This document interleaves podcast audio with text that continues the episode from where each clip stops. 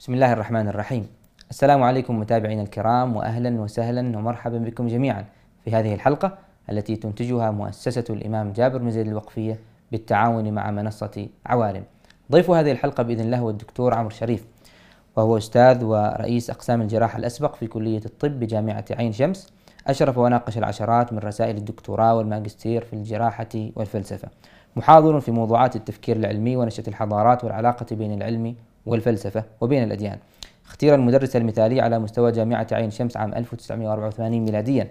من أعلام فلاسفة العلم المعاصرين ومن أهم المتصدين لفكرة الإلحاد. أهم مؤلفاته رحلة عقل رحلة, عبد الوهاب المسير الفكرية خرافة الإلحاد. أهلا وسهلا ومرحبا بك دكتور. في بلدك الثاني عمان وفي هذا الحوار الشائق الماتع الذي طالما انتظرناه. جزاكم الله كل الخير وأنا سعيد جدا بوجودي اليوم في عمان وفي وجودي معكم. لعل هذه الزيارة لعمان ليست الأولى. هذه الرابعة ما شاء الله. بفضل الله. نسأل الله أن تزيد وتزيد. إن شاء الله. ومن سوانح القدر أن هذا اللقاء بيني وبينك ليس الأول فقد آه، التقيت بك آه، عندما زرت شيخنا الصوافي قبل سنين وتحلقنا حولك دبر صلاة العصر عندما ألقيت لنا محاضرة هناك لعلك تذكر تلك الأيام. نعم نعم. لا أنساها لأن زيارة مكان زي مكان الشيخ ومريديه حوله هذا يعني شيء يعود بنا لأزمان يعني طلب العلم الحقيقي أن يتفرغ المريدون لطلب العلم على يدي مشايخهم. جزاك الله خيرا. في هذا اللقاء دكتور آه، نسعى إلى نقاش قضية مهمة. ذلك لأن الزمن الذي نعيش فيه زمن متسارع في الجانب العلمي ونجد تطورا مذهلا في مجموعة من الجوانب.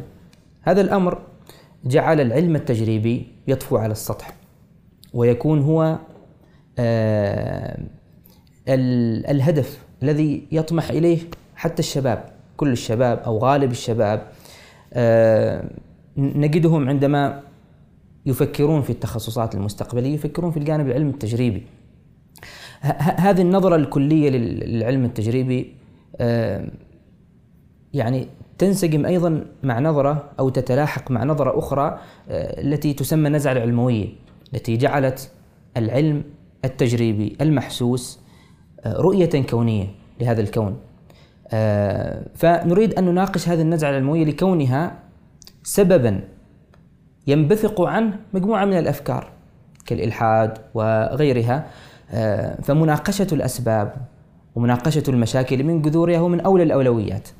ولذلك آه، نريد في هذه الحلقة أن نناقش هذه القضية بأسلوب يسير يفهمه الشباب حتى من غير المختصين في الجانب الفكري أو الشرعي.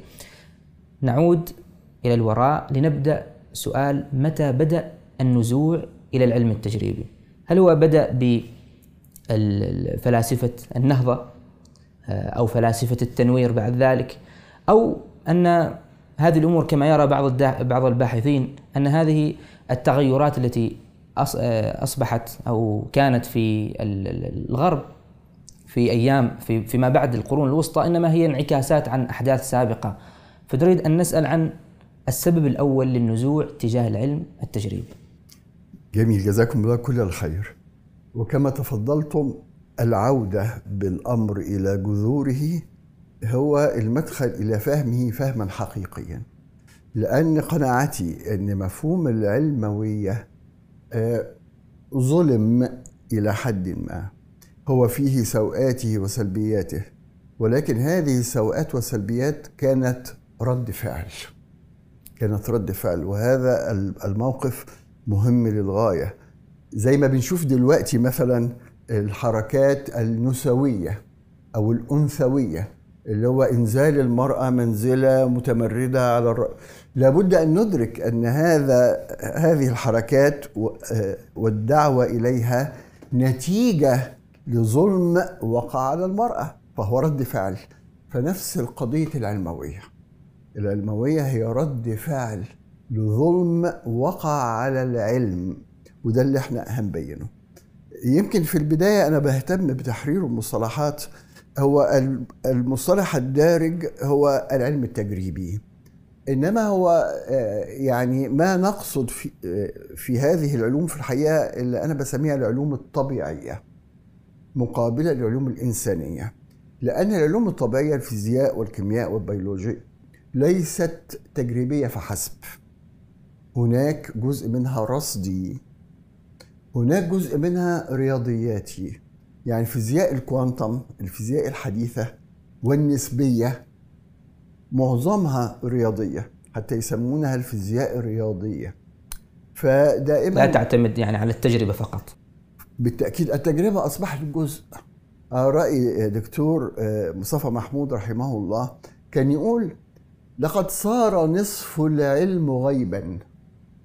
تجربة على إيه؟ ده نصف العلم الكوانتم والنسبية. صار غيب تتعامل مع أشياء أنت لا تجرب عليها. فجزء منها تجريبي وجزء منها رصدي وجزء منها رياضياتي.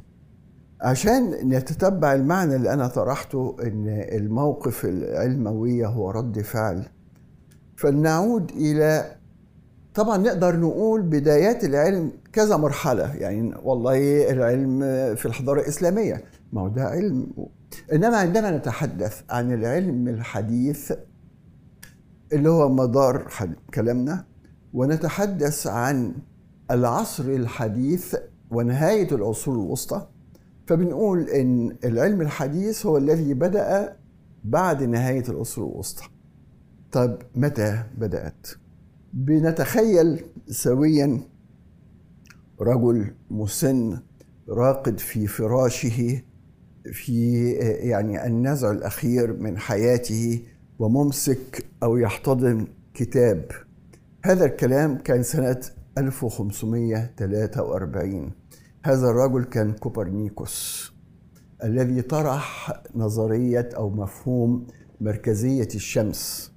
أن الأرض تدور حول الشمس وليست الشمس هي التي تدور حول الأرض. ويقال إن يوم صدور الكتاب كان يوم وفاة كوبرنيكوس. يعني قتل؟ يوم صدور كتابه كان يوم وفاته. وبيؤرخوا بهذا العام أو بهذا اليوم بنهاية العصر العصور الوسطى وبداية العصور الحديثة. تعال نشوف وقتها الثورة العلمية كانت ثورة على إيه؟ وأضافت إيه؟ قبل الثورة العلمية كان العلم ينطلق في تفسيراته من التفسيرات الدينية الغائية وكان المسؤول عن العلم رجال الكنيسة حتى أكبر جامعات في إنجلترا أوكسفورد وإدنبرا كانت تحت إشراف الكنيسة فكان التفسير دائما تفسير غائي. ما سبب الأمراض؟ عقوبة من الإله على البشر. ما سبب الزلازل والبراكين؟ غضب من الإله على البشر. ما سبب ظهور قزح بعد المطر؟ هذا توقيع الإله. وعد من الإله للبشر بأنه لن يغرقهم بهذا المطر كما أغرق قوم نوح فكل ظاهرة طبيعية تفسر تفسيرا غائيا. أو غيبيا. غائيا غيبيا. يعني غيبيا ويدور حول الغاية. فهو غائية غائي تفسيرا غيبيا غائيا. العمل العلم عمل إيه؟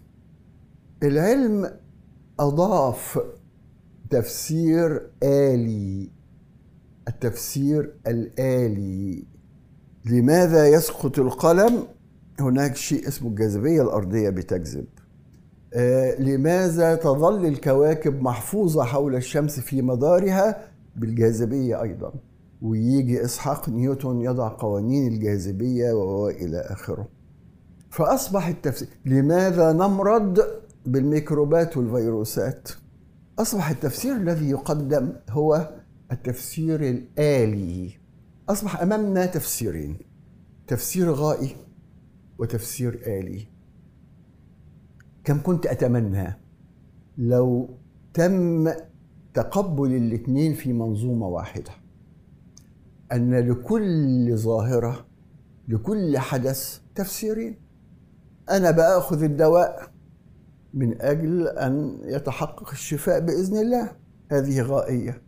والآلية معروفة ابتلاع الماء وحركة عضلات المريء وحتى المعدة وإلى آخره. كل شيء فيه تفسير غائي وتفسير آلي ولكن للأسف الكنيسة لم تستوعب هذا الأمر. ووجدنا رفض مباشر منها للتفسيرات الآلية يعني الميكروبات هي التي تمرض يعني ليس الإله.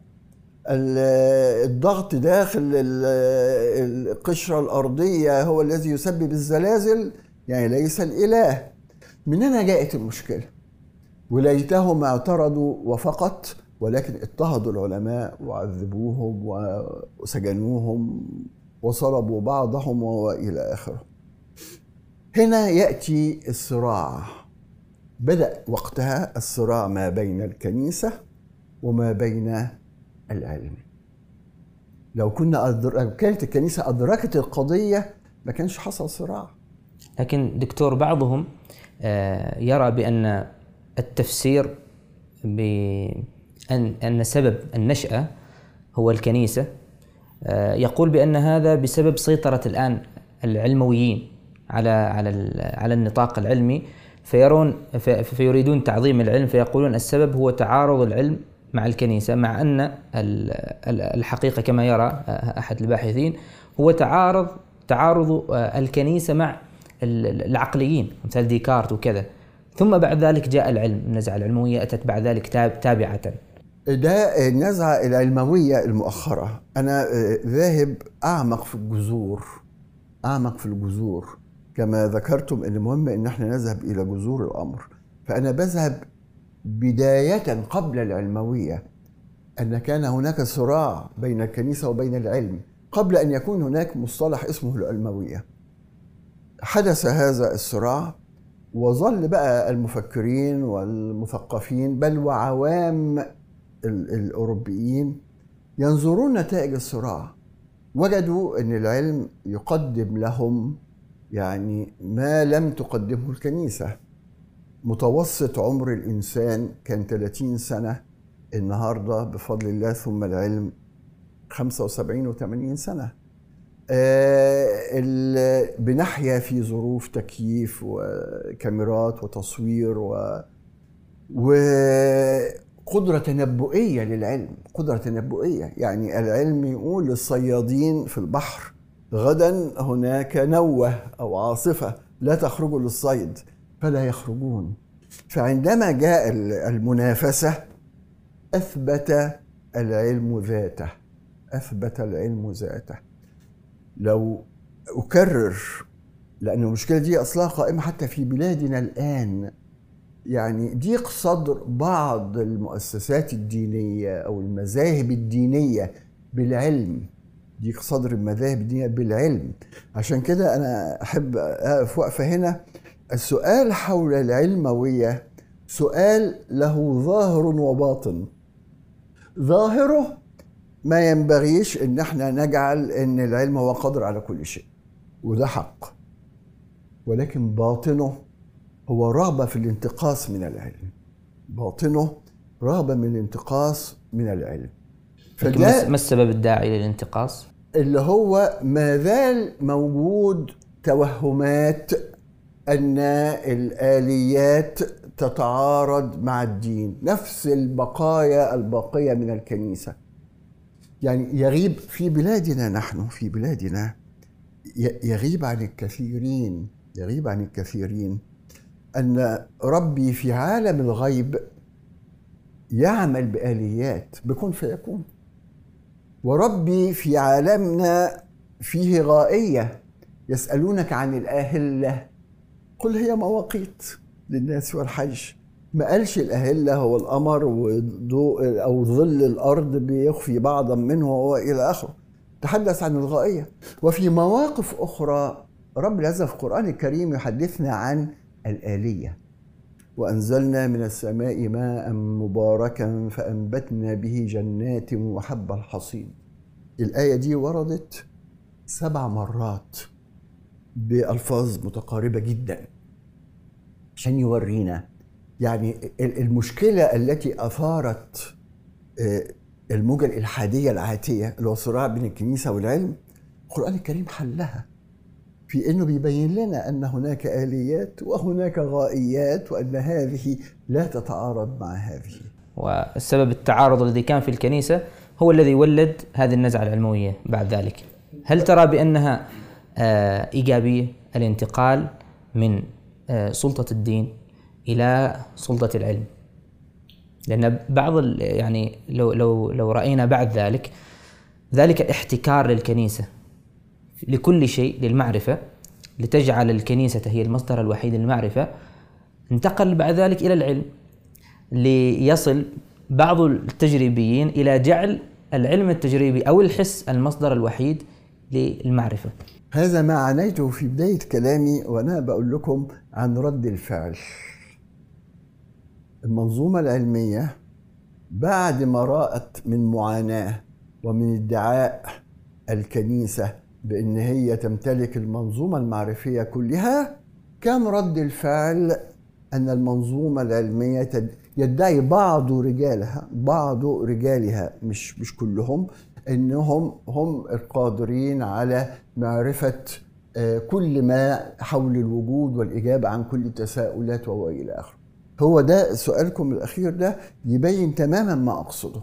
إن رد الفعل بعد ما كان الكنيسة بتعمل كذا سقطنا في إن العلم صار بيفعل كذا هذه المغالاة كانت عند البعض أو عند أغلب فلاسفة الغرب الذين تبنوا المنهج التجريبي شوف هو لا خلاف إن الفلسفة الغربية الحديثة معظمها فلسفة مادية.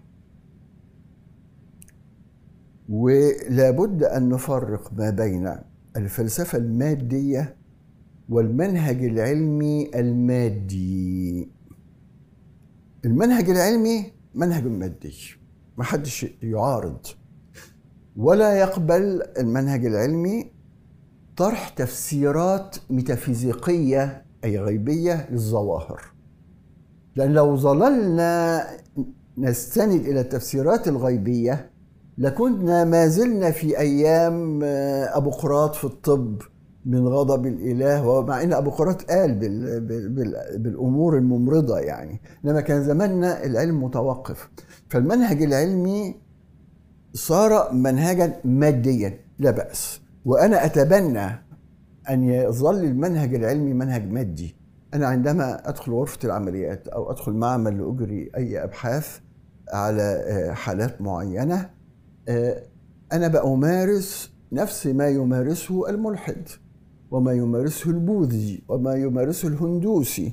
المنهج العلمي منهج المادي لا يقبل تفسيرات ميتافيزيقية ولكن يقول إحنا بنلتزم بالمنهج المادي لأن ليس لنا طريق للنقر على باب الغيب. منهجنا اللي حضرتك تفضلت بيه التجريبي واللي أنا أضفته الرصدي والرياضياتي لا يدعي القدرة على التعامل مع أمور الميتافيزيقا ولكن يتعامل مع العالم المادي. الفلسفة المادية بقى تضيف إلى إن ما لا قدره للعلم على رصده لا وجود له. دي الفلسفه المادية اللي هي الفلسفة السائدة الآن الوضعية المنطقية. أوجست كونت الوضعية المنطقية. ما لا ترصده وما لا يخضع للاستنتاج المباشر المباشر ولا يخضع للحسابات الرياضية لا وجود له. وليست العلموية لو موضوعنا بقى إلا نمط متطرف من الفلسفة الوضعية المنطقية. هي بتقول كده برضه يعني العلموية زي ما قلت بعد ما كانت رد فعل وبعد ما كان الفكر الغربي منبهر بإنجازات الحضارة المادية. بأمانة منبهر بإنجازات الحضارة المادية ويسترجع معاناته مع الكنيسة والطرح الديني المسيحي فطبيعي أنه تعلق بالعلم. حتى أنه كما أقول جعل العلم إلها قادرا على تفسير كل شيء. وفي ضوئه توضع المنظومات السلوكية والمنظومات الأخلاقية ومنظومة وكل كل المنظومات الإنسانية في ضوء العلم. ولسنا في حاجة إلى ما هو سوى العلم. هذه هي العلموية. لكن دكتور لو نظرنا بعين التمحيص إلى هذا الادعاء في جعل العلم وحده مصدرا للمعرفة أو الحس هل هو أمر واقعي أو في الحقيقة أمر تنظيري؟ بمعنى هل استطاع العلم أو الحس أو التجربة أيا كان أن تنتج منظومة اجتماعية أن تنتج منظومة سياسية أو أي شيء يتعلق بالعلوم الإنسانية. فتكون هي المصدر الوحيد للمعرفة أو أن هذه ادعاءات. لأن آه، الظاهر عندما نرى الإشكال الانتقادات الموجهة للذين جعلوا الحس مصدرا آه، للمعرفة كجون لوك ومن من والاه آه، نجد الانتقادات قوية جدا. إذ إن العلم التجريبي بنفسه يقوم على على سبيل المثال على القياس في بعض الأحيان والقياس طريقة عقلية. آه، فهل هذا الادعاء وقع فعلا أو هو مجرد تنظير؟ هو لا ينبغي ربنا يكرمكم لا ينبغي أن نفرق ما بين المنهج التجريبي والمنهج العقلاني. وكأن يعني إحنا بنيجي نكلم ممارس العلم لا شوف أنت بتتكلم بالمنطق. أنت بتلجأ للمنطق المنهج المنطقي المنهج العقلاني أيام أرسطو. يا سيدي من قال أن العقل الإنساني حكر على المناطق؟ أنا لما بعمل أي عمل في المعمل ما لابد أن أستخدم عقلي.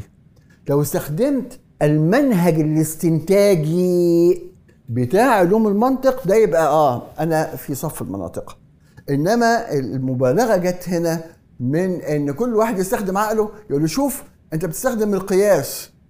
طبيعي يا أخي. طبيعي استخدم القياس. يعني هنا هذا خطأ. إحنا بنقول في الحقيقة لا شك لا شك آه، مهما كانت العلموية تطرفت لأسباب زي ما قلت كرد فعل. ولكن ولكن هناك نقلة في الفكر الإنساني بتبني مناهج العلوم الطبيعية. يعني بدل ما كان العلم ابن للفلسفة ونقول الفلسفة أم العلوم والفلسفة أم الرؤوم اللي يعني انفصلت منها العلوم لا هو مش انفصلت برضا الفلسفة ده عنوة ده عنوة وعملت لها منهجها. حتى إذا كان اللي عمل المنهج العلمي فلاسفة فرانسيس بيكون المنهج التجريبي واسمه إيه في في المنهج في المنهج الرياضياتي لا قبلهم قبلهم كان كبلر بيعمل تجريب وبيعمل حسابات رياضية. فهم الفلاسفة يعني معذرة يعني كثيرين من أصدقائي يزعلوا مني يعني عاوزين ينسبوا المنهج العلمي أنه إفرازهم.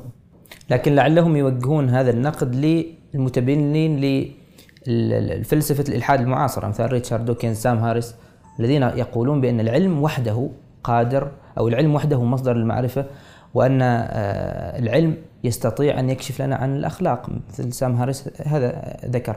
ذكر أن العلم هو الذي يستطيع أن يميز جيد الأخلاق من رديئها وهنا إشكال يعني نقع في إشكال كبير عندما نتكلم عن الإنسان ولعلك أنت أدرى بحكم تأليفك في عبد الوهاب المسيري كما يقول بأن الإنسان ظاهرة معقدة. من الصعب أن نجري عليه المناهج العلم التجريبي لدراسة الظواهر الإنسانية سواء في الأمور الاجتماعية أو العلم النفسي.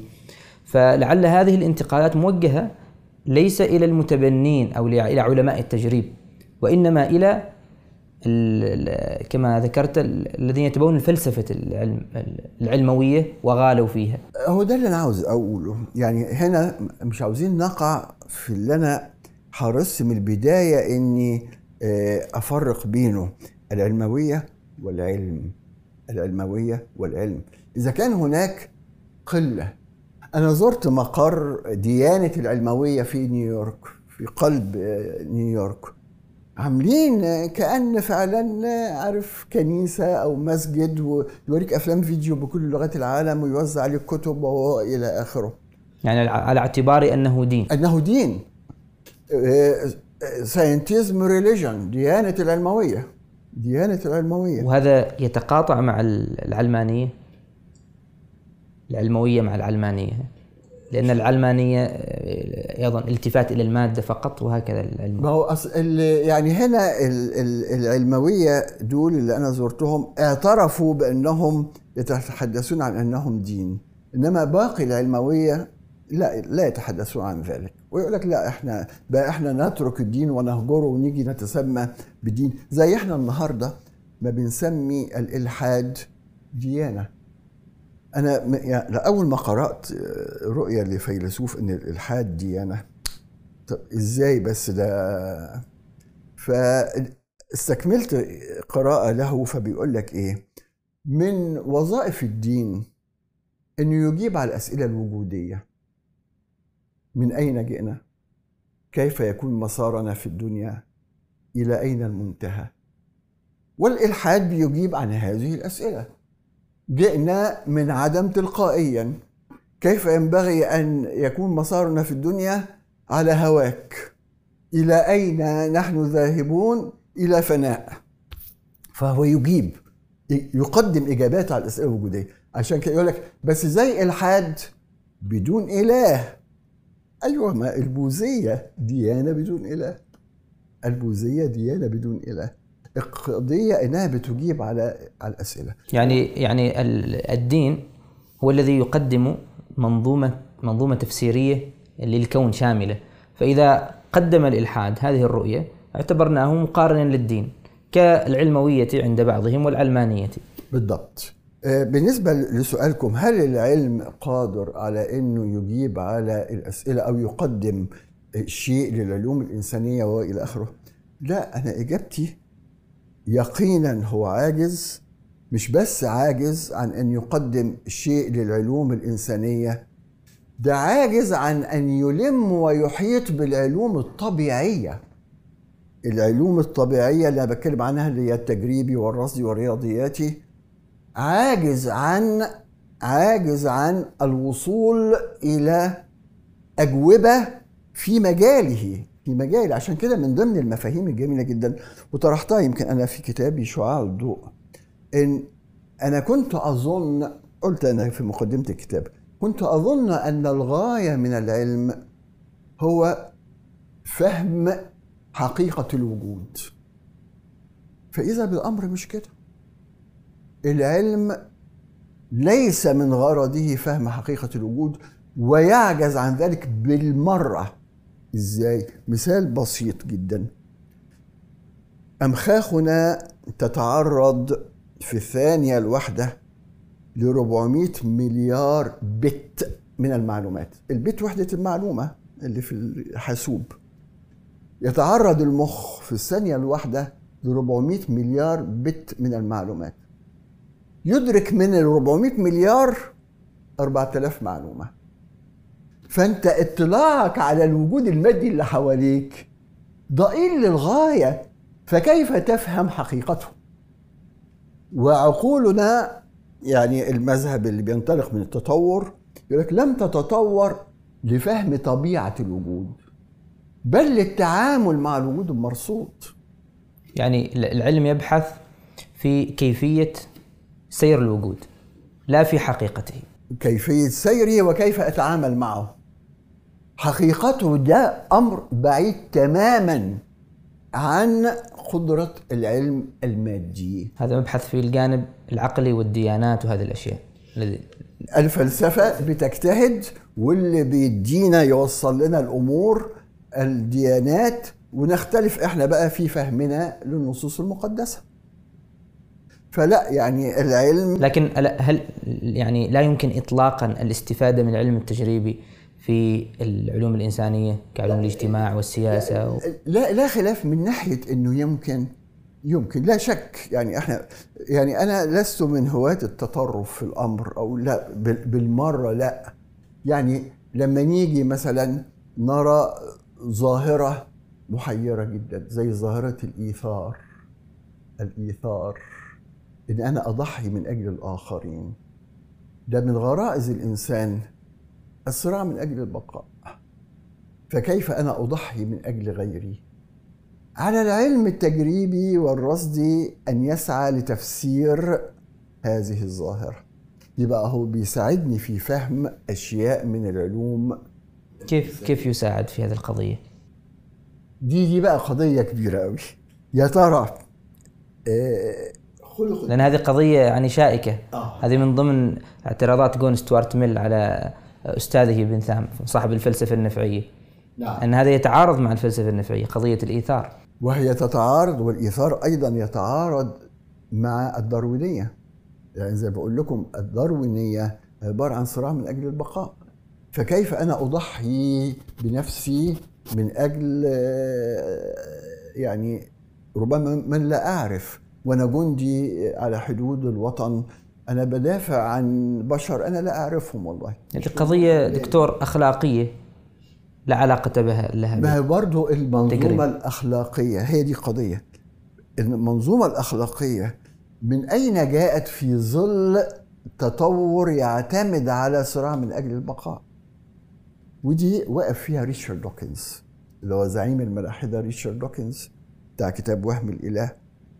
يعني آه، يقول لك أنا أقول إن الداروينية بتقول إن الصراع من أجل البقاء هو اللي بيحكمنا وبيؤدي إلى شخصيات أمثال هتلر وستالين ولينين. وبرغم من قناعتي إن ده اللي بيحصل إنما لا أدعو إلى أن تربي أبنائك على مثل هذه الأخلاق. عليك أن تسعى إلى أخلاق المسيح. طيب من أين جاءت أخلاق المسيح؟ يقول لك ده خطأ تطوري. يعني كان المفروض ما يبقاش كده بس بس بقى كده. فإن يجتهد بقى العلوم الطبيعية في أن تفسر. عشان كده جت يا علم النفس وعلم النفس التطوري والبيولوجيا الاجتماعية مجموعة من العلوم اللي بتحاول أن تفسر. هي مش هتخدم كتير في التطبيق.